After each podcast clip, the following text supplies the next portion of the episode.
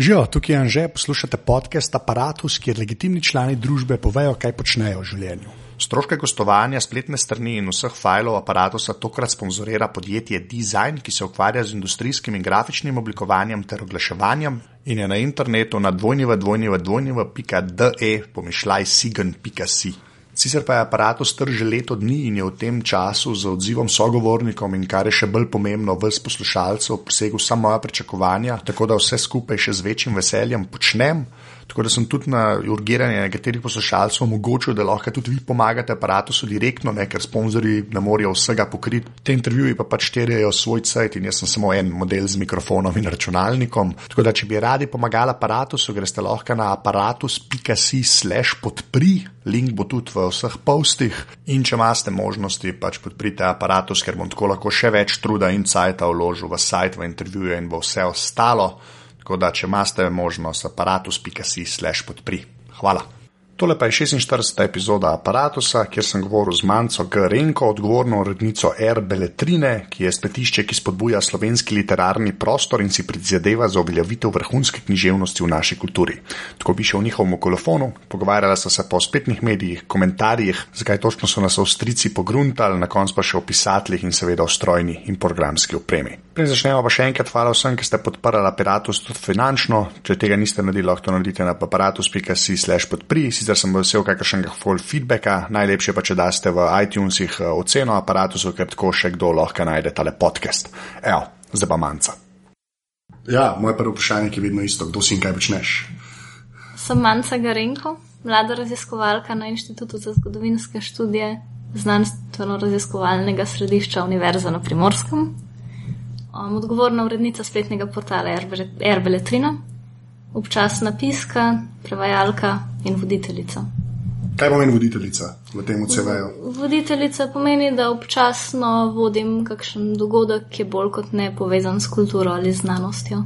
Ali je to tako, kulte, ker to sem te videl, parkrat, zato sem to vprašal. Ampak ali je to pač. Eh, kaj, še imaš ta feeling, da imaš neko obsesijo sprašovati ljudi, ki govorijo pred gruča ljudi? Pač, Kako ti je to naravno tebi kot osebi bilo, ali si se mogla ibr navaditi, ali je bila full trema na začetku, ali zdaj ni več. Ali... S tremo nikoli nisem imela blaznih težav. Je pa res, da sem prvi pogovor, ki sem ga kadarkoli vodila v javnosti, je bil v bistvu moj najtežji. In po tistem je bilo vse lažje. Zato, ker prvi sogovornik je bil Rudiger Safranski, ki je govoril nemško in pogovarjala sva se v Heideggerju. In pač sem si takrat rekla, če sem to zmogla, potem lahko. okay, ja, potem sem se karkoli. Ja, okay. ja enough, to je dosti res. Ne, ampak, ker jaz sem se že s parimi ljudmi pogovarjal, da je to res ena najbolj nenaravnih stvari možnih, če pač govoriš, pa je grupa ljudi, ki te posluša. Ne. Tako, a, a ti je pač ta forma, zdaj, okay, to so bile prireditve, mm. ampak a, a ti je pa razlika, tako zdaj, ki je mikrofon, pa tam, ki so ljudje, ali pač ni ljudje, ali še ti je drugače, ali pa tako, ki pišeš, ali pa daš nekaj svojega ven, ne? ali kako to dojemaš, ker pač ljudje konzumirajo, kar koli delaš, ali je velika razlika med tem, kaj, okay, če daš na net, pa jim prebere, ali tam, ki te gledajo. Mm, jaz sem v bistvu rada, da gledajo, meni je to, ne vem. Ne vem zakaj, mogoče tudi zato, ker sem zelo zgodaj, um, je bilo neko tako hecno na ključe, da sem začela učiti v gimnaziji, ker sem nadomeščala neko porodniško. Pa pač itek sem imela kot študentka pedagoške smeri obvezno prakso in to je neke vrste nastop in ti imaš ja. tok in tok ur, um, pač nastopaš vsak dan. Ne? In zdaj tudi vodim vaje na faksu. In imam pač tudi neko občinstvo in sem, sem ga navajena in mi je lažje. Recimo zdaj, ko se mi dva pogovarjava, mi je ta mikrofon skoraj za malo ja. težek. Drugače imam zelo rada, ne vem, stik z ljudmi, da vidim, kaj razmišljajo. Najhujši mi je recimo, kdaj pri predavanjih ali pri puku. To je bilo sploh v gimnaziji, ko je zadnja ura, maj. In tako, ko vsi gledajo v uro, pa v prazno. In to, to je grozljivo. In ti, ti bi se raztrgal samo zato, da bi te pogledali. Ne? Ampak Ja, sicer pa nimam, ne treme, težav, težav s tremo, pa niti ne. Ja, to, to, to nas je ne par takih, jaz sem nikoli nisem. Mislim, jaz sicer obolevam, če da ljudje so obolevam prej to, da je noro, ampak pa sem gore v redu, ne, tako pred folkom. Ampak, okay, kaj pa pol na netu, ne, ker dejansko, ok, RBL 3 je pač nek tak. Um, Kaj, kaj, kaj kuj temu rečete, kaj to portale, to so zmerno te zdaj. Kaj, kaj je, no, da povej, kaj je RBL 3, pa bom pol naprej vprašal. Kako ja, bi jo ti kvalificirala? Meni se zdi RBL 3 eden najboljših kulturno-družbenih medijev, kar jih trenutno je v Sloveniji. Zdaj to je pač spletni medij. Ampak meni se zdi, da v bistvu spletni medij ima določene zakonitosti, kot ima vsak medij svoje zakonitosti, ampak glavna je vedno vsebina in če imaš ti dobro vsebino, bo katerkoli medij preživel. No, kul, cool. in glih to, pač ta, kar rečeš medij, ne, ki je dosta agnostičen termin, glede na pač, kako ste rekli, vsebino. Ne, um, ka, a, veš, a poste vi pač pisci, oziroma slash novinarji, no, v končni fazi, ne, ali, ali je, je ta internet. Veš, toliko zmagal, ker ste, ker Albertina res sama na netu obstaja. Veš, kako koli ni imela nobenega tega bagagea odprej, v bistvu ne. No? Veš, da je bil neka weird cajten, ki ga je potem se spravljal na net, pa je tam se nekaj prenesel. Veš, ker, če ni tega bagagea, a pa si sam tako vrajt, oziroma pač pisac, pa novinar, ali na eni točki se una blogar besede zraven začnejo lepati, ali ne, ali tako, praviš, kaj medije, to agnostično, da pač. Ne vem, če je blogersko, jaz nasplošno zelo zagovarjam pač ne glede na to, kaj se piše, zagovarjam osebno stališče. Ne? Ker pač se mi zdi, da edina stvar, ki jo v resnici ima moje osebno stališče. In se mi zdi skrivanje zdaj za nekim navideznim objektivizmom v smislu, um, mislimo, pa predvidevamo lahko, mislim, nič ne mislimo, jaz mislim, pa jaz lahko predvidevam, jaz ne morem tega delati za množico. In to je ta ja. blogarski občutek, ne? ker bistvo bloga je to, da je bolj osebno. Ne? Ampak jaz se mi zdi, da za večino medijev, ko pišem dajem zelo močen oseben pečat. Pa ne zato, ker bi ego tripala, ampak zato, ker se mi preprosto zdi zlagano, da bi govorila z nekimi frazami v imenu večine. Okay, sem, kako pa pol to z redniško politiko pride? Veš, ok, ti, ki dosti freelancaš, kot vidim, se pač mm. na parih placih ja. pojavljaš. Ja. Misliš, da je to lažje pol te preč, ne, veš, kaj se na večjih placih pojavljaš, ali pa en, ki dela, ne vem, za dnevnik, ne. A veš, pa je tam, pa je tam del enega tima, ne, pa tam gre to čez neko proceduro, pa potem šele na koncu to vam pride, pa je rešilo čez par rok. Ne? A tam se ti še zmeraj zdi, da te mislimo, te, da so to queer, ali imajo tam malo več smisla, kot na netu. Ne, ne? seveda, mislim, ne, mislim, da tukaj ni, da tukaj gre za žanr. Pač zdaj, če ti pišeš poročilo z tiskovne konference, je poročilo z tiskovne ja. konference in tukaj ni. Dobro, pač če imam seveda nek drug spet pomislek. Kako se splača vse tiskovne konference pokrivati? Pač ja. To je zdaj spet neka čisto druga tema. Ampak sicer se mi pa zdi nasplošno, da seveda res ni etablirani mediji, ki pokrivajo vse od zdravstva, politike, kulture, zunanje politike in tako naprej. Seveda morajo imeti to neko formo in ti, če imaš zaposlenih, ne vem, dnev, prej si omenil dnevnik, recimo, da je 70 novinarjev, seveda mora biti to nekako, mora obstajati nek relativno univerzalni jezik. Um, to se absolutno strinjam, ampak RBL13 je pa pač tako mehen medij, mi objavljamo en članek na dan in da v bistvu se vsak, vsak pisac lahko na nek način profilira in jaz bi si, jaz bi si to želela, da ima vsak možnost tukaj se izražati na način, kot mu je najbolj blizu. No, zato, ker zdaj sem glih videl uh, pač The Economist, ki so, bili, ki so najbolj znani te, sploh ni byline, mm. pa noč ne. So pa na pol kar na netu dajo, se ene par blogov odprl, ne, tam so pa začeli zdaj nišle, dajo to od avtorjev, ne, da folk pač premližen ve, kdo piše, ker ima pač, kako praviš, ti vsak svoj voice, ne, mm. pa ta oseben mnenje, veš. Pa, kako se ti zdi, da je to? Da je ta osebno mnenje, ali, ali je to ful, ali, ali smo rabili internet, da je to ratelj prepoznano, ali bo to inherentno že dosti prej, pa so pač te stari mediji, kot tradicionalni, te floskele. Ampak ok, da so oni že to, to izrinili ven, da je pa so ratelj te mislimo.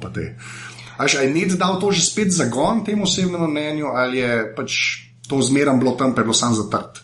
Jo, jaz, zdaj kot zgodovinarka bom imela tukaj čez drug pogled. Ja, če okay. gledamo zgodovino novinarstva ali pa kako se je to razvilo, če pogledamo leta 1900-1913, pač na začetku 20. stoletja, ko so časopisi res doživeli boom, ta težnja po objektivnosti sploh ni bila tako močna. Ne? To se je potem kasneje razvilo. Najprej je bil avtorski glas. Potem vidimo, kako se ta avtorski glas spremenja, potem rata na nek način objektiven, ampak tudi oni, ko so postajali recimo določeni avtori objektivni, če jih analiziraš, ali pa če si bral njihove prejšnje tekste, in tako vidiš, da govorijo samo o sebi.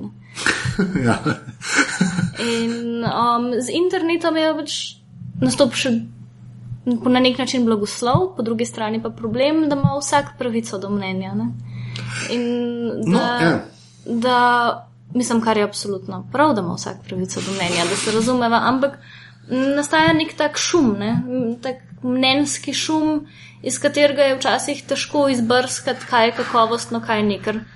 Ampak se mi zdi, da je podobno tudi zdaj v etabliranih časopisih. Mogoče pred 30 leti je bila uredniška politika tako močna in novinari so bili tako izobraženi in tako naprej, da da se je vedelo, kdo lahko ima glas, kdo pa ne, in je obstajal nek tak sistem. Zdaj no, vse lepo pa plava, zdaj imamo pa vsi svoje mnenje in zdaj bi vsi govorili o tem, ampak hkrati pa več kot je teh mnen, manj je dejanskih rešitev. No, ampak zdaj, okay, zdaj se, to je ena tema, ki komentarji. Mm. Zdaj, to si rekel, ima vsak pravico do svojega mnenja. Pa, kako ti, pa, ker ste, pač ker je Berlina je res čist spletni otrok, ne kako koli obrneš. Kaj, še imaš ti odnos do komentarjev? Ne? Jaz imam zaprte komentarje. O, to vemo. Zakaj se to me zanima? Um, Zakaj ne deluje? Veš, to je ena odločitev. Pač ja. To je odločitev. Jaz bi imela takoj odprte komentarje, če bi se vsi podpisovali z imenom in prejemkom. S tem nimam absolutno nobene težave. Ampak dokler se ne, pa jaz tega ne morem imeti zelo resno. In zdaj v bistvu tukaj je tudi nek drug tehnični problem in gre za to, da um, ta stran, ki jo zdaj imamo, je slaba in se sesuva in tako in v bistvu prihaja nova v naslednjih tednih. No? In na tem delamo že par let, si želimo in zdaj končno jo bo udejanjena in tukaj bojo komentarji omogočeni. Bo pa stvar rešena tako, da um, človek, ki bo komentiral z imenom in prejemkom, bo imel komentar takoj objavljen vsi drugi komentarji, ki ne bojo podpisani z imenom in primkom, bojo šli pa skozi cenzuro. Za pobo en sam, da bi se jaz novak, ne? to veš, da se bo dogajalo. Mislim, da se ne bo, ker mislim, da nismo tak mediji. Jaz bi tudi zelo rada dala vedeti, da, da v bistvu, če se jaz kot avtorica ali pa avtori, ki tukaj objavljajo, izpostavljamo svoje mnenje z imenom in primkom, se mi zdi do mene spoštljivo, da me nekdo nagovori z imenom in primkom.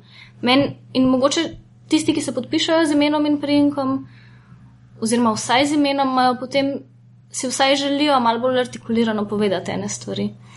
To je res, to je lažje spet, ne, so ok, to mogoče ni ta pravi debata, no, ampak to je lažje pač pred beletrini delati. Absolutno, ja, ker je... smo zelo privilegirani z rodbralcev, ki jih ja. imamo, ker na kakšnem drugem portalu bi bilo teže, čeprav jaz se zelo velikrat moram reči, da čudem, kakšne komentarje spustijo skozi. Ja pač žaljivi, neprimerni, neumni in slaboumni. Mislim, kdo to cajt gleda, veš kaj mislim, ker jaz pa zmerno, ko jaz se čist strinjam, ne, ker res, če to, mislim, sploh, ok, pa gremo zdaj 14 ur po RTV, ne, pač številke dva, ne. To je balano, kaj oni če spustijo, pač to je res, to je narobe, ne, ni točke data narobe, ne, ampak kdo to gleda. Veš, pa zdaj ne govorimo o tehničnih težavah, ki so pri komentarjih, ampak ti misliš, da sploh daj realno pričakovati, da bo tam nekdo sedel pa pregledoval vse. Je resno vprašanje, zato ker imaš ja, hermeltine, dobri bralci, kako koli. To je še zmeraj spet medije. Zdaj, če kaj boste imeli imena v primke, ne? če bo en sam napisal, jaz sem pa Johnny, pa bo nekaj napisal, ne, to bo en mogel pregledati, što je del. Tako.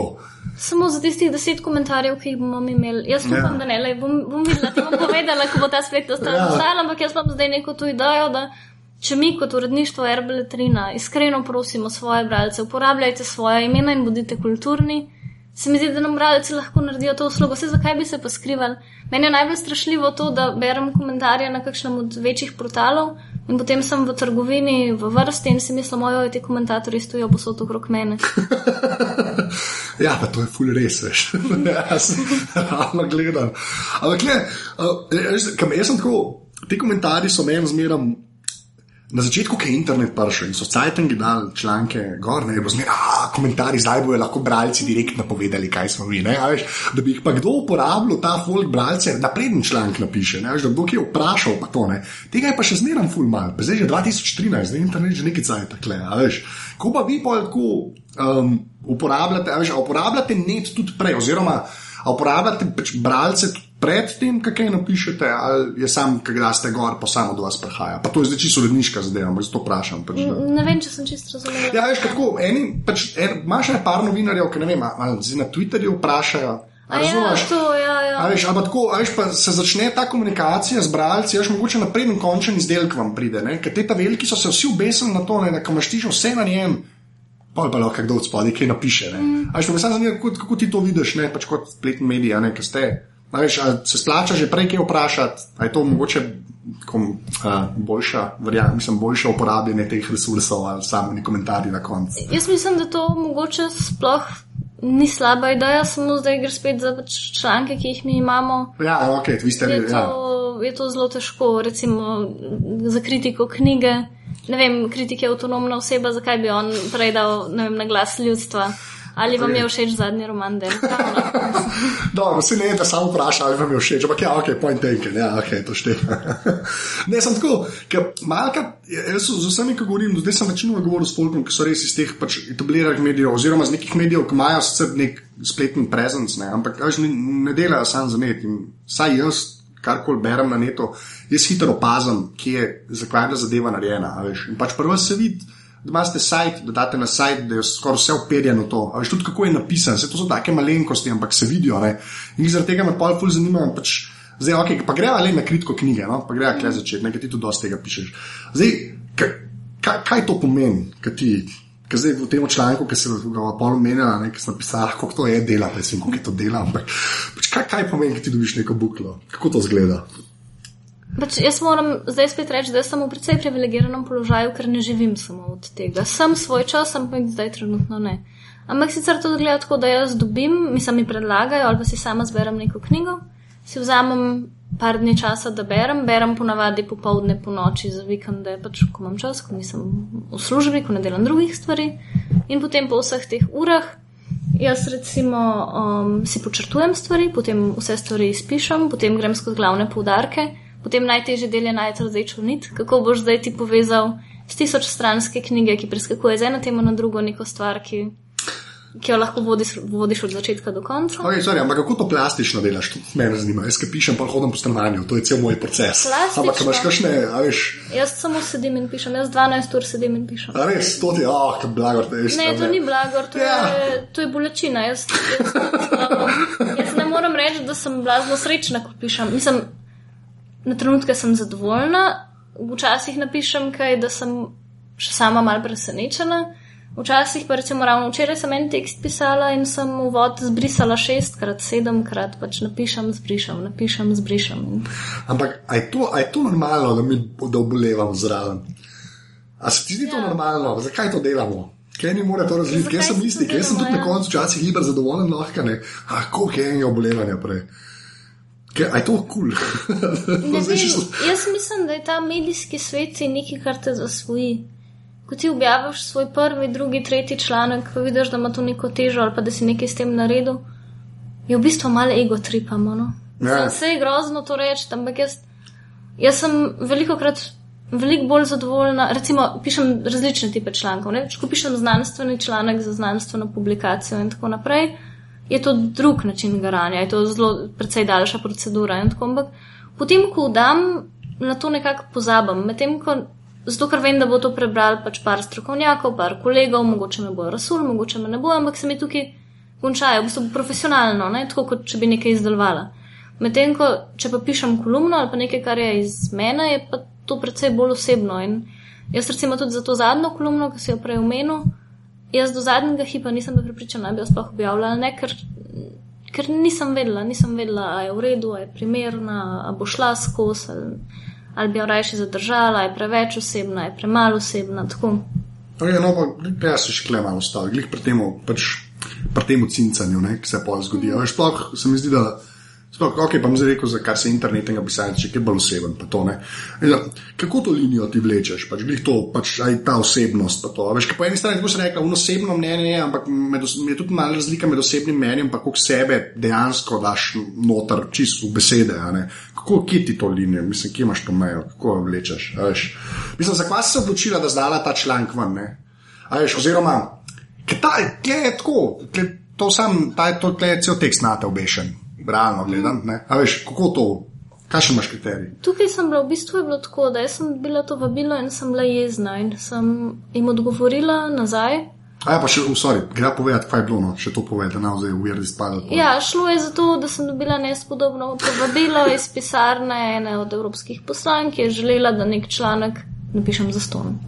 En članek o prihodnosti Evrope, Ja, ti to povej. članek o prihodnosti To Evrope. je Ja. pomemben podatek za džave. Sorry, ok, povej Ja. pa. In jaz sem to dobila in sem bila jezna in sem odgovorila daljši mail, kot bi ga sicer. Nisem napisala samo, žal nimam časa, lep pozdrav, ampak sem napisala v bistvu, mislim, da je celo en ali pa dva odstavka sta enaka, kot sta v tekstu, ki sem ga pol objavila. In je šlo to ven iz mene. Takrat pač sem, in potem sem zaprla mail in ne vem. je menil dan, dva in jaz sem še kar naprej premlevala to, kaj so oni sploh hoteli od mene. In potem se mi je zazdelo, da je to v bistvu tema. Da je to tema, o kateri je treba govoriti in se pač ne govori, ker se marsikdo noče izpostaviti. Hkrati se mi pa zdi, da je glih to prednost osebnega pisanja, da če se te posebno zgodi nekaj takega. Ne? Mogoče se napišeš bolj osebno, malo bolj razčustvovano, ampak več ljudi se lahko poistoveti. Zdaj, če ti pišeš nekaj mehanskega, število brezposelnih mladih, število mladih, ki se ne morejo odseliti od doma in tako naprej, se to nikogar ne bo zares dotaknilo. Ne? Zdaj pa meni se zdi, da tisti, ki pišemo, um, pa imamo mogoče tudi smo mal nagnjeni k temu, da bi bili družbeno angažirani, um, pa skoraj da moramo na tak način. Ker meni se zdi, da bi lahko identično vsebino spravila v drugo obliko in bi bil pa manjši odziv. In mislim, da je ravno ta osebnost tista, ki ljudi zanima, konc koncev. Okay, kako je pa lahko ta osebnost narobe? A veš, kaj, a, kako ti vidiš, kako lahko to na negativ? Ker jaz klej zmeraj pol američane gledam. Ne? A še pri američanih je tako, ker dosti pač in te podcaste, pa ok, radio, pa tudi TV, tam, kako ga spremljaš, lahko v Sloveniji. Tam pač ali na levici ali pa na desnici ta čisto osebnostni profil, nek so oni res sploh na ta cable news, ne pa zdaj lahko se s Foxom tri ure pogovarjamo, ampak bolj. Uh, bolj v smislu, bolj v smislu tega. Tam, tam je šlo to tudi zelo na, zelo na robe, mislim, zelo neke negativne vode. Ne? Te polke se začne še neko agitatorstvo, a veš pa v končni fazi res neke nestrpne scene, mm. ki prihajajo, ampak je osebno mnenje in potem už to na mer pustiti. Mislim, kako te pa tega strah, a veš, kad pri svoje tekste pišeš, ne? S tem je to tudi eden od pomislekov, ne? da ok, sem dala to, pa klek je bilo še malo jeze zraven, ne? pa jaz ne pravim, da klek mm. meni se zdi čisto korektno napisano, ampak tako, a na to pomisliš, da ok, mogoče klek šlo pa malo preveč, veš, v ali ne? Mislim, da ne, zato ker jaz nisem, nisem nagnjen k temu, da je bila žaljiva. Mislim, da nisem ta. Ok, a pol žaljivost je ta. Meni se zdi, mislim, ker jaz tudi se mogoče samotam, ampak sebe dojemam kot nekoga, ki je predvsej imel človek. Ki mu ni, meni ni dobro računavanja, jaz se ne bi tepla. Jaz bi najraje, da se imamo vsi dobro, pa se lahko pogovarjamo samo o literaturi, pa zgodovini, hvala lepa. Ampak dokler to ni mogoče, potem včasih kaj napišem. Ampak mislim, da se vedno, da imam jaz zelo močno samo cenzuro no, pri teh stvarih. Da, recimo, ko sem bila mlajša, ko sem začela pisati pri 18-19, sem tolkla vse vprek, ker je še ta še malo mladostniškega Fight cinizma, ja. zagnanosti, vsi so krateni in ti nekaj veš. Ne. Potem te pa to zapusti in, in zdaj se mi zdi, da mogoče sem kdaj komu naredila krivico, no, ampak nikoli nisem imela tega občutka. Tudi nisem nikoli hotla na spravil česar koli na osebno obračunavanje. No. Zato tudi recimo v tem tekstu nisem imena poslanke omenila. No. Čeprav to, okay, to jih spet ni, ne. to jih ni, ampak recimo ne vem, da če bi jo omenila. In potem sem dobila veliko vprašanj, kdo je ta ženska bila. Um, vem, da če bi omenila, bi ta cel pogovor šel na raven um, levica-desnica. Na eni točki bi partizani od domov ja, in bi rekli, da ja. ja, ona je desna in oni so neoliberalci in bi vse izčrpali, ali pa ona je leva lenuhinja komunajzerska, ki ja. hoče do konca izčrpati človeka po človeku. ja, se to imaš prav. Dobro, da nimate komentarjev po svoje. um, Kukaj pa, ok, ampak. Zdaj, ker, če to zase lahko rečeš, ne, da si mi človek, da ni od tega obračunanja. Kako pa širš vidiš v Sloveniji, kam bi lahko to pripeljal, glede na našo medijsko kulturo? Pa recimo, da v neki prihodnosti se pa ta internetni osebnostno izpovedi na pol stil, full prime tudi v etabliranih medijih, pa v njih, ki malo širše stvari pokrivajo, ne samo erbeletina. Kako misliš, da je tam nevarnost, da se to zgodi, kot v Ameriki? Več ali manj. Ali pa imaš tako, imaš kakšen feeling? Ali? Da so ljudje nori.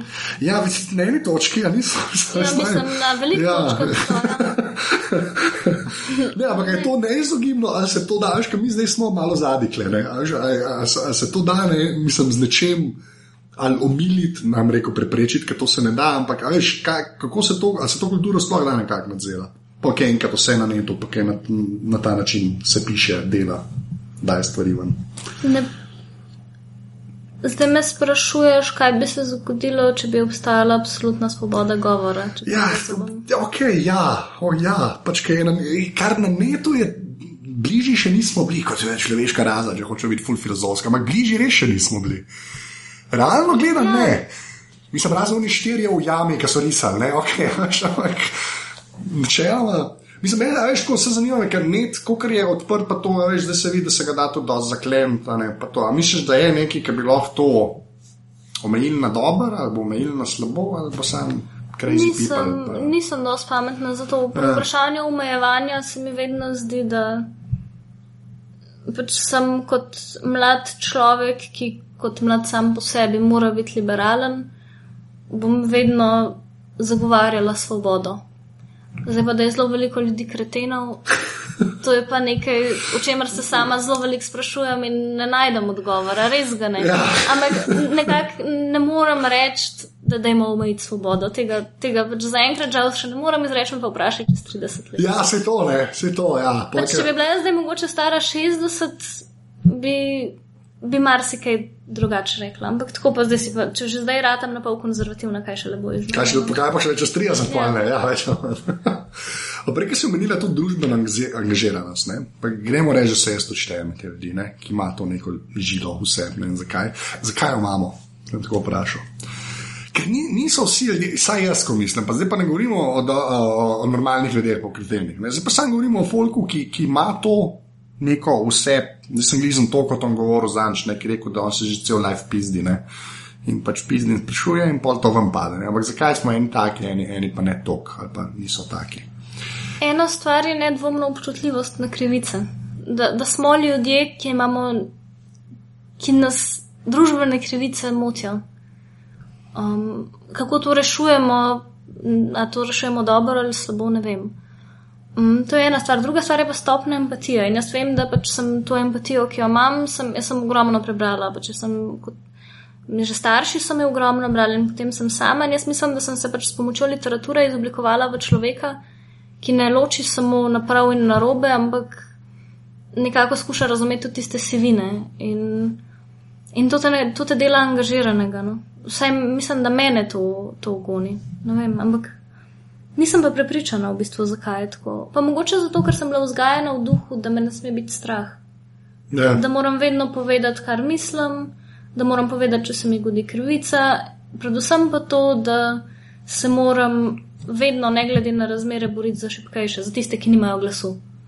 In jaz mogoče se ne, se, se ne vem, če se. okay. Ampak vse, ja, ampak to, to, to, so, Ja. to so mi nekako starši privzgojili, da so vedno na svetu ljudje, ki so manj privilegirani od mene in da oni mogoče nimajo glasu, jaz ga bom pa imela in da ne to izkoristim. Ti komunisti. Ampak ja, je nekaj pri nas se vse pa na to zreduciralo. Pa to sploh res ne gre za levo, desno, sem to holiko razložiti, pri nas je, ne vem, jaz sem že obupal. No.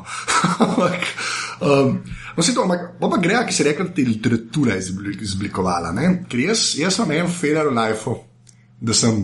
Absolutno premalo bral v življenju.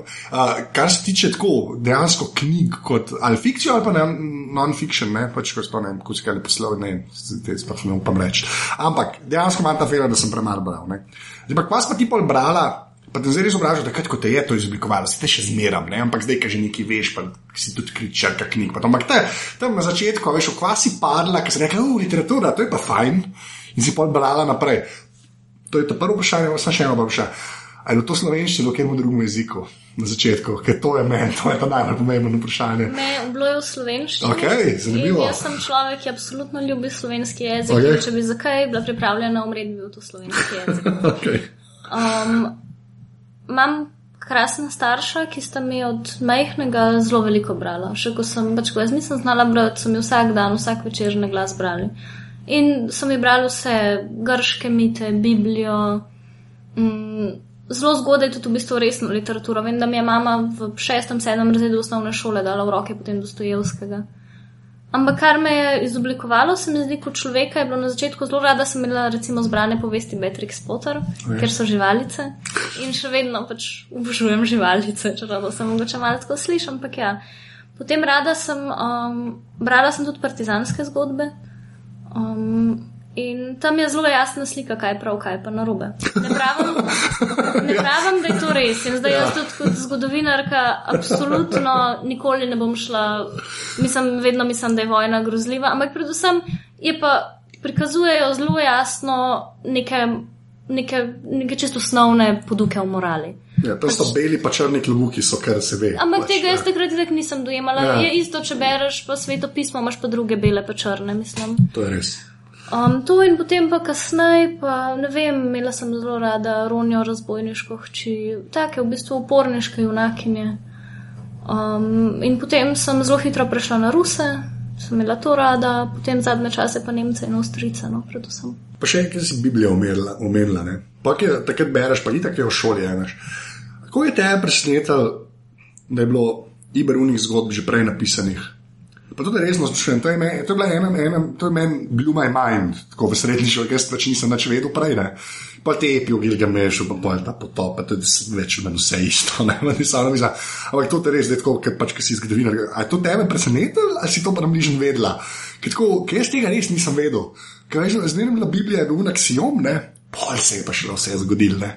Ne, jaz sploh nisem imela, jaz sem pa izrazito gledala, pač odkar obstaja človek, obstaja zgodba. Aha. In odkar je človek, imamo ljudje zgodbe. In jaz sem to samo še danes gledam, samo tako ni me nikoli ne več presenetilo. Me, me je to, to je, sorry, ta je bila moja osebna, sem mogel vprašati tega, ker pač se bolj s tem obadam, ampak to je meni takrat tako mi je podarilo, mi je, nisem razumel, pač, ampak ok, gremo naprej, da nam. ampak tako, zdaj, ki si rekla, Ruse, pa pa Nemce, pa Avstrice, a veš. A pol si od, ker jaz poznam, tako, to sem porajto v teh ljudeh, ki veliko berejo, ne. Da pač po nekem tegnem principu deluje, ali se na žanru besijo, ne? pa so neki cajt v enem žanru in pa tam vse prekljuvajo, kar lahko, ne? ali grejo pa po teh nekih ali periodah, razumeš, ali se pa na te nacionalne, a veš pa. Ampak, a jih bereš, pol, resmo, ker rečeš, da greš na Rusijo. To pomeni, da pač enega prebereš, pa drugega, pa pol vidiš približen. A veš, če sta vsaj približen iz istega obdobja, ali pa če se en drugega malo napajal. ne. A da te stvari tudi zanimajo, ali te zanimajo samo, ker zdaj so pa Rusi na vrst, zdaj bo vse Ruse prebrala, pa je vsak zase stoji. Ali jih vedno jemliš v temu. Ne, gre za navdušenost, tukaj gre za čisto strast. Pač vzameš Aha. prvega Rusa in ugotoviš, da je to dober kot še nič prej. In potem bereš vse Ruse. Ja. Meni se je recimo edini avtor, pri katerem se mi je zgodil, da sem po branju zbolela, da sem pač tri dni samo brala, brala, brala in potem postala vročična in bil Dostojevski. In zadnje čase, in to je bilo še v gimnaziji, in zadnje čase. Pač, ko se bolj ukvarjam z življenjem avtorjev, ugotavljam, da recimo Brecht je tudi rekel, da on, ko bere Dostojevskega, zboli. In še nekaj drugih avtorjev, ki, ki na te ruse vedno svoje razloge za bolezen obešajo. Potem sem, zru, potem sem šla študirati germanistiko, recimo, in tam je blazno nemške literature za prebrati in mi je postala všeč. Potem sem spoznala znotraj nemške literature avstrijsko, ki mi je blizu čist zaradi mentalitete, ker mislim, da smo vsi malo, mislim, imamo ta avstrijsko mentaliteto zelo močno. No. Kaj slovenci zdaj? Ja. Ja. Res, zakaj? Sorry. Mislim, tudi tako literatura. Literatura se mora v bistvu dotakniti nečesa, kar vsi nosimo v sebi, pa ne vemo, da to imamo. In avstrici se pri meni zelo dotikajo tega. Ne, za res, to si pa ne bi. Okay. Ja, mislim, čist. Ja, ja, mislim, jaz to, ali pa mogoče samo meni pač ta Ok, pa Avstrija se tudi, če sam te, ok, mogoče te je Jaz imam recimo, ampak jaz, recimo, če bi morala našteti, čeprav tako ne bi hotela, deset najljubših avtorjev bi bili verjetno tri Avstrici, pa je to zelo majhen literarni narod, če tako gledamo. No. Ja, jaz recimo. Ne vem, če enega postavim, če se iskreno. Ja, okay. ne, to mi je pa zanimivo, da rečeš, da pač Avstrijci uh, se nas zadanejo nekako. Ampak ok, to se mi zdi. Veš, kaj še zanima? Pač um, pri knjigah, zdaj morajo iti, zato ker aparatus, kakorkoli, so pa malo moram na tehniko, ne na eni mm -hmm. točki. Zdaj pa. Ti, ki veliko bereš, te, te elektronske knjige, pa knjige. Ne, Ne berem elektronske Nič, ne, vse sem vedel, sploh sem vedel, sploh nisem hodil vprašati, kako še vazijo. Zakaj ne? Zakaj, resno, re, Zakaj? to je zdaj resna debata. Mislim, a imaš, a imaš tako a priori proti, a sprobola, pa da ni bilo všeč, a, re, re, to me res zanima. Sem ti No? povedala, da sem zaljubljena v slovenski jezik. In potem si hiter konc. Ja. In to, je, potem to je to. je to to. Več ni treba. Ja. In jaz lahko, recimo, ravno zdaj sem končala, z, bra- mislim, prebe, preberem ogromno literature v tujih jezikih, ampak ko berem zase, ko hočem, da me nekaj resnično nagovori, mora biti slovenščina. Ampak ok, pa če bi bile več slovenščine, recimo v e-knjigah, ti ne bi bilo panike. Mislim, nimaš teh. Uh, Mislim, da bi vseeno kupila knjigo. Varum. Imam rada knjige. Ok, ampak to me zanima. To, zakaj? Kaj je, kaj, kaj je to, da rečeš, jaz imam rada knjige, pa da ti to, da, ta, da kle noter ne vzamem, da to ni tako agnostičen termin, da bi vzela zraven še e-knjigo. To me res zanima. Mogoče bi jo, ampak zaenkrat nisem še nikoli razmišljala o tem, ker dokler nimamo take izbire v slovenščini, kot bi jo želela. Ja. Potem je tako, je to utopično razmišljanje. Ne? Torej, zdaj se samo Biblo zdaj trudi, ne? zdaj se Ja, nekaj dogaja. Ne, se, ampak- vse se, Ja. vse, ampak Ok, enough, no si to, v bistvu dobro smo, v bistvu sem malo zajel. Pač, to je to, res, ne, ker res je ni, ne. Jaz, to, jaz, jaz tega Kindla ne morem prehvaliti, jaz res samo angliščini berem, realno gledam, ne, mislim, tako, vsaj, tako, ker res zase berem, zato, zato ker so stvari pač na Kindlu. Ker je to k tene, ki ga lahko s sabo vzameš, pač res, ne, ne, pač to bolj važno. Ampak, uh, ok, pa zdaj slovenska beseda, ki ti je tako ljuba, ne. Um, ne bova šla o tem, ali je slovenščina kul cool zapisati, ali pa nekaj tak, da je, pa to pač vse en, ne. Ampak to vprašanje sem probo zastavil brez on to podišče omenil, pa ga bom očitno mogel na eni točki, ne, ampak pa gdeva na začetku že. Koliko je, veš, ta ohranjanje ne slovenskega jezika, ne, ta, mi rabimo besedo za vse, ne, mislim načeloma, da mora biti vse naše in da edin tako bo preživeli, ne vem, vse te jajca, ki jih pač poznaš, poslušaš. Na drugi strani so ljudje, ki pač dobro pišejo slovenščino in to zdaj delajo, ne. Jaz ti ful rad zmeram pač snetja iz Jokerja, pač izpostavlja, ker res dobro piše, pa zdaj ali folk ima rad računalniške igre ali ne, čisto vsem, pač model res pisati, ne. In zdaj, kaj zate pomeni, ne? Slovenski jezik, da ti je všeč. A, veš, a, je to tako zelo akademsko, poriščič varianta preživeti, pa da je Slovenija, pa imamo svoj jezik, ne? ali je ta živa zadeva, ki jo tudi avtori, ki zdaj pišejo, ne, ne zdaj sam Cankar, pa oni štirje modeli iz leta Čuka 800, ne? ali te, ki zdaj pišejo, da tudi nekaj prenesejo zraven. um, jezik je absolutno živa stvar in se razvija in jaz se s tem strinjam. Ampak recimo, jaz sem sama doživela, da sem bila na nekem pesniškem branju, ko je bilo več avtorjev, brali so v slovenščini, pa tudi v tujih jezikih in na koncu je kot zadnji gost prišel svojo poezijo brati Milan Jesih.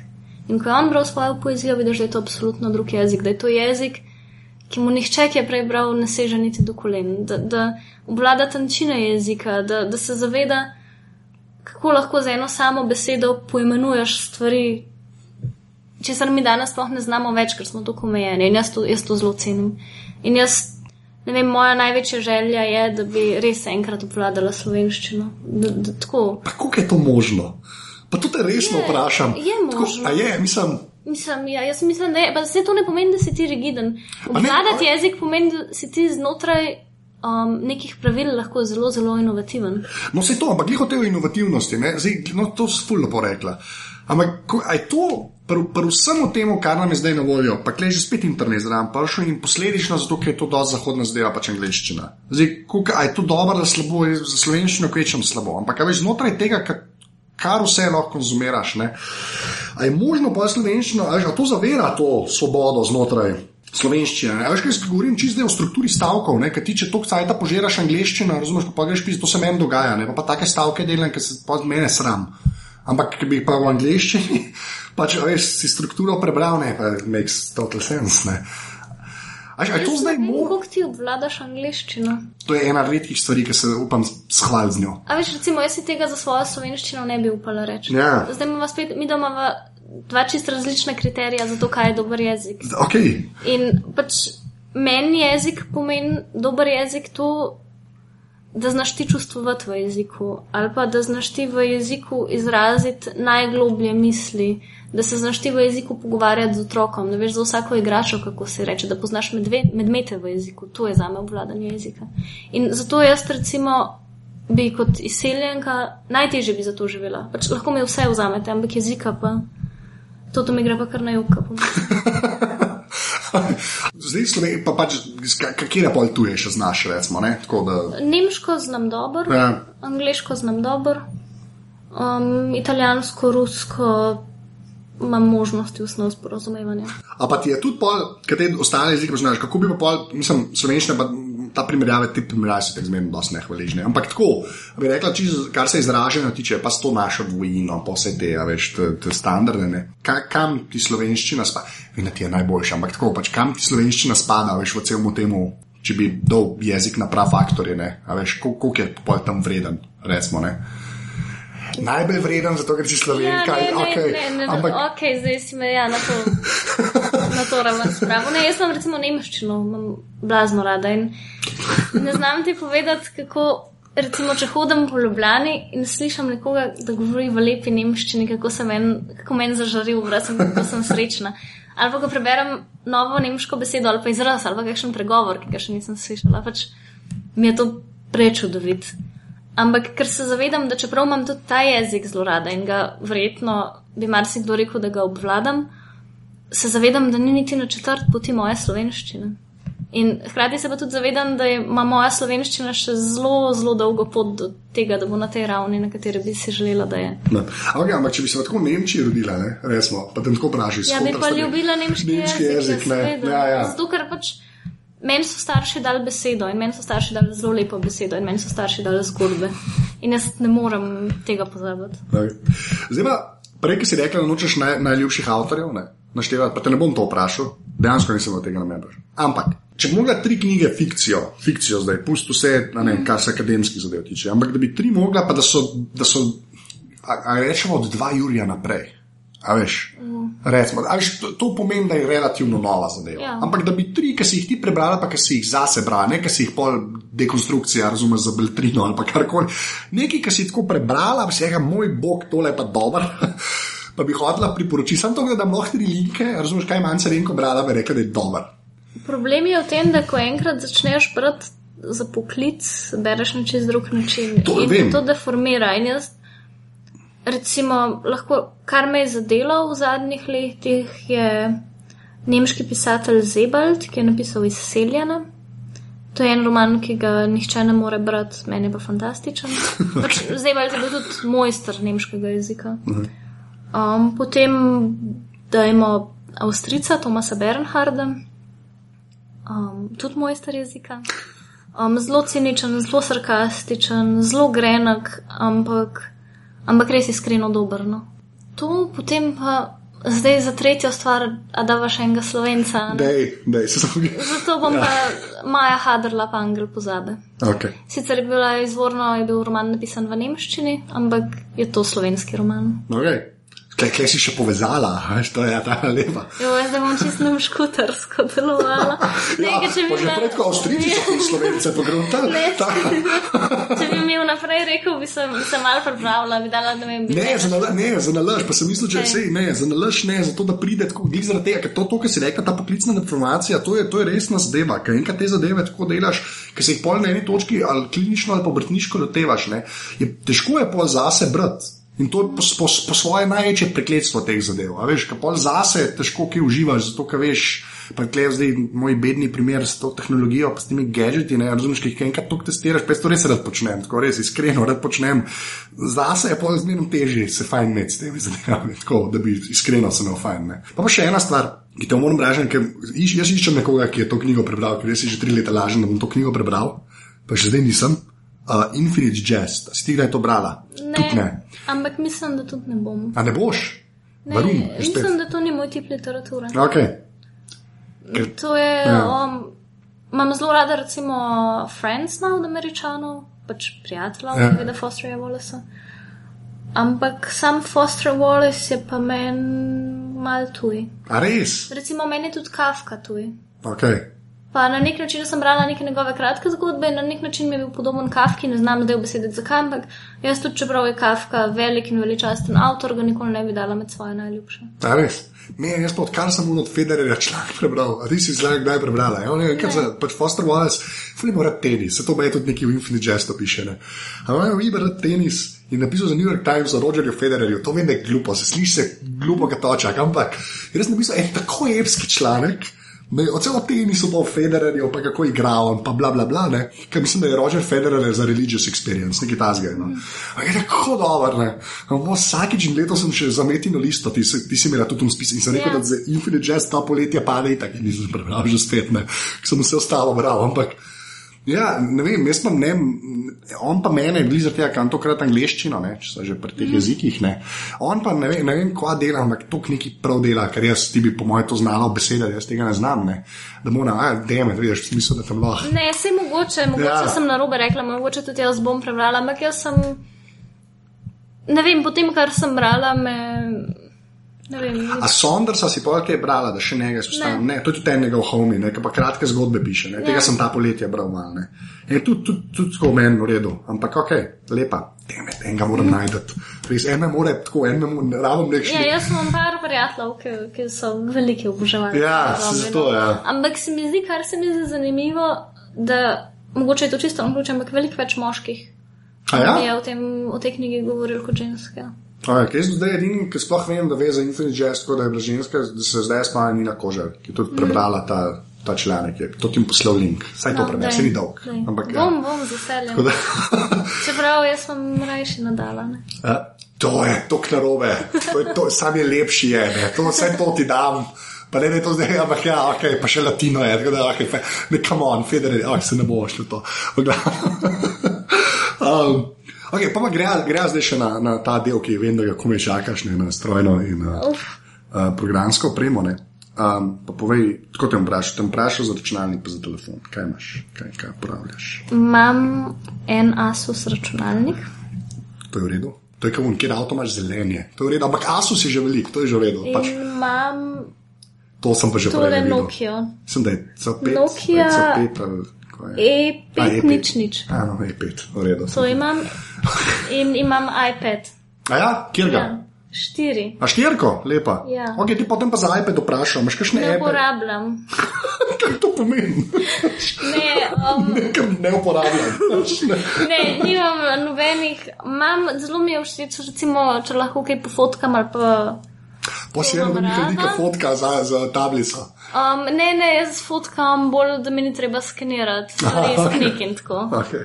To imam sicer lahko pogledava, ampak res nimam, sploh ne vem, imam neke slovarje, Ja, ok. to imam in potem imam pa, to je pa to, v bistvu medvedka puja imam. To je bilo random. Okay. Ja, res ga imam, ki je bil enkrat za ston, pa Secret, a ne, tole Book of Chaos imam. A, to sem ja. tudi enkrat za ston, zelo lepo. Odlična risanka. Ne, to je risanka, jaz imam pa ta prav, ta Book of Chaos. A ja, dejansko, Ker jaz sem ja, samo je bil za risanko St. Patrick, zdaj mislim, da si je bila za ston. In je nekdo okay. na Twitter napisal in sem prvič v življenju. Kaj pa za Twitter uporabljaš, ali tudi A ja, to pa tudi imam, ja. Imam eh, Twitter, Facebook, Gmail, Dropbox. Standardne. A Chrome ali Safari, to tam vprašam. Safari. Safari, ok, pa sam veš, vprašam.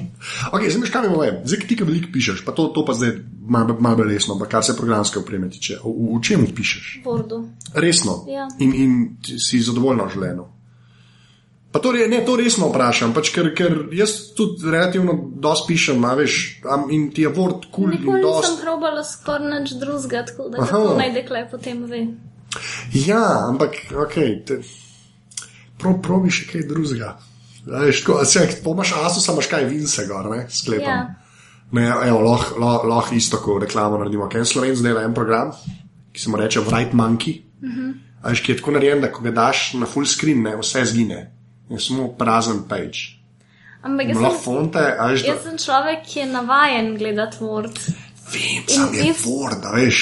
Ampak je dober. A res, ali kaj? Ampak mene tako, to... je, tako mora biti, taka so pravila, oprostite. Ja, ampak to je to, don sem na Twitterju dal en link, ki ga bom dal kleh tebi zraven, ki je napisal, why Microsoft Word must die, ne.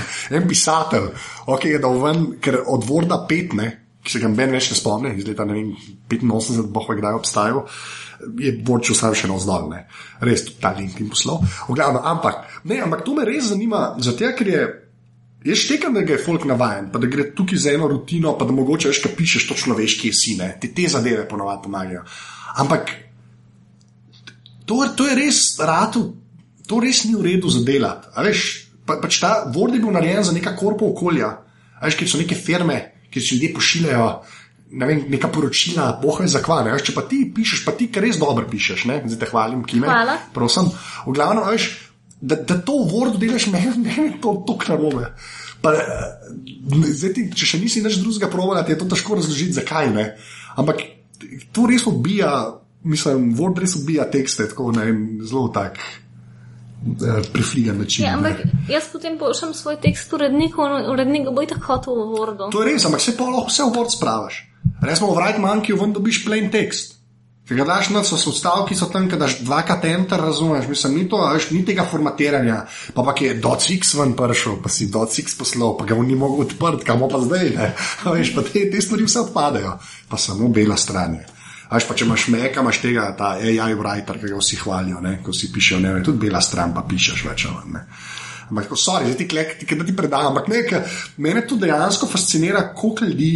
Pa sploh pa ljudi, ki dobro pišejo to v Wordu dela. Isto me zanj sneti rekel, ma, vada, vada. A pa misliš, da bi bolj pisala, če ne bi v Wordu? Ja, Ne, ne bi. ne, ne Sej, bi to je začetku. dragost, to je dragost tega, da v bistvu, zakaj pišem? Pišem zato, da bo tekst dober, bo tekst boljši, če ga napišem v Comic Sansu ali ne v Comic Sansu ali v tem programu. Ravno ne, tekst je na koncu samo tekst in to je vse, kar imaš. Ja, In na koncu okej. boš umrl s tem tekstom, ne boš umrl s Wordom. Ok, to, de, ok, kle imaš mal prav, kle ti tam mal prav, ampak. Ja, ok, a, devet. Ne, ti, ti poslal link še do vrant manjke, ti moraš že tri linke poslati, ampak bom. Ogla, ok, zdaj pa še zadnje vprašanje, uh, uno, ki je tudi vedno isto. Um, eno stvar fizično, ki ni človek, ki je naredila ful veliko ti snate, lahko še imaš, lahko ga nimaš Moja več. mačka. Ma, ma, ma, ne, mačka je že tako, je žival, ne, Je to šteje v bistvu. ja, to je Ja, kot to je, to je že to. Ja, ja, ne. to imaš prav, Aj, prav, mačka je ok, ok, fair enough. ne, ampak tako, ja, da je, da je stvar, a veš, da je, kaj bi, kaj bi rekla. Zelo rada imam molskin beležke. A ne, aha, si, ok. A, a je molski ali je moleski, ne? Veš, Ne kaj neki hipsteri so zdaj začeli neki fuda, da. Pojma nimam Ja. v bistvu. A Fieldnotes ali molskin, prav, molskin. Prav imaš. Moleskine. A res? To imam rada, ampak to mi ni spremenilo življenja. Zdaj, če bi šlo, če bi šlo za izum sam, se mi zdi tisk veličastna stvar, izum tiska. To je dosti res.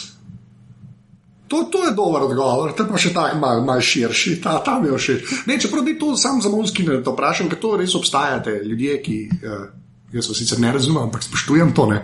Z- Zakaj so te beležke vam tako kul? Pa to res to vprašam, zakaj so te? Saj Sem, jaz imam eno, recimo, zvezdak imam zato, da ko delam stvari, recimo za doktorat, se mi kaj utrne, napišem noter. Vem, lahko bi to tudi v iPad počela, ampak ne. My point exactly. Ja. Um, ne, ko sem dobila ta iPad, um, se mi je najprej v bistvu sesul svet.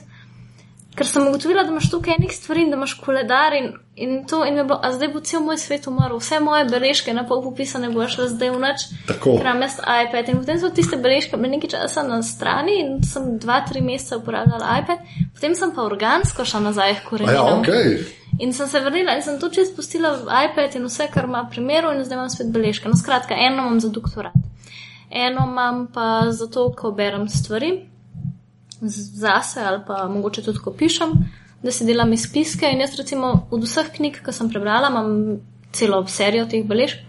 Jaz, recimo, za vse citate, ki jaz, recimo, ti mi boš zdaj rekel en stavek, jaz bom točno vedela, na kateri strani je. Zato, ker si pač jaz to sistematično izpisujem in pač, s tem, ko si to napišem v beležko, se mi v glavi dela nek registr, pač kot telefonski imenik. Ja, se to izmeram, če napišeš, v glavi ostane pa pol vse te getting things done zadeve. Ampak ok, uh, manjca, Ibr, hvala. Ja, ni je za kaj, to. hvala tebi. Evo, to je to. Tole je bila 46. epizoda aparata. Manco najdete na Twitterju pod Afna Manca Grenko, jaz sem na Twitterju Afna Anzet, rbeletrina je na rbeletrina.si, aparatus pa na aparatus.si, dva p-ja sta v imenu.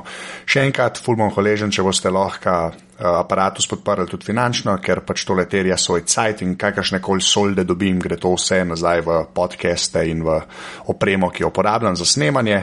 Tako da še enkrat hvala vsem, ki ste to že naredili, pa unim, ki še boste. Lahko daste pa tudi oceno v iTunesih, uh, kjer kakršna koli cena prav pride, ker tako še kdo najde tale podcast. Evo, to je do naslednjega tedna to. Čau!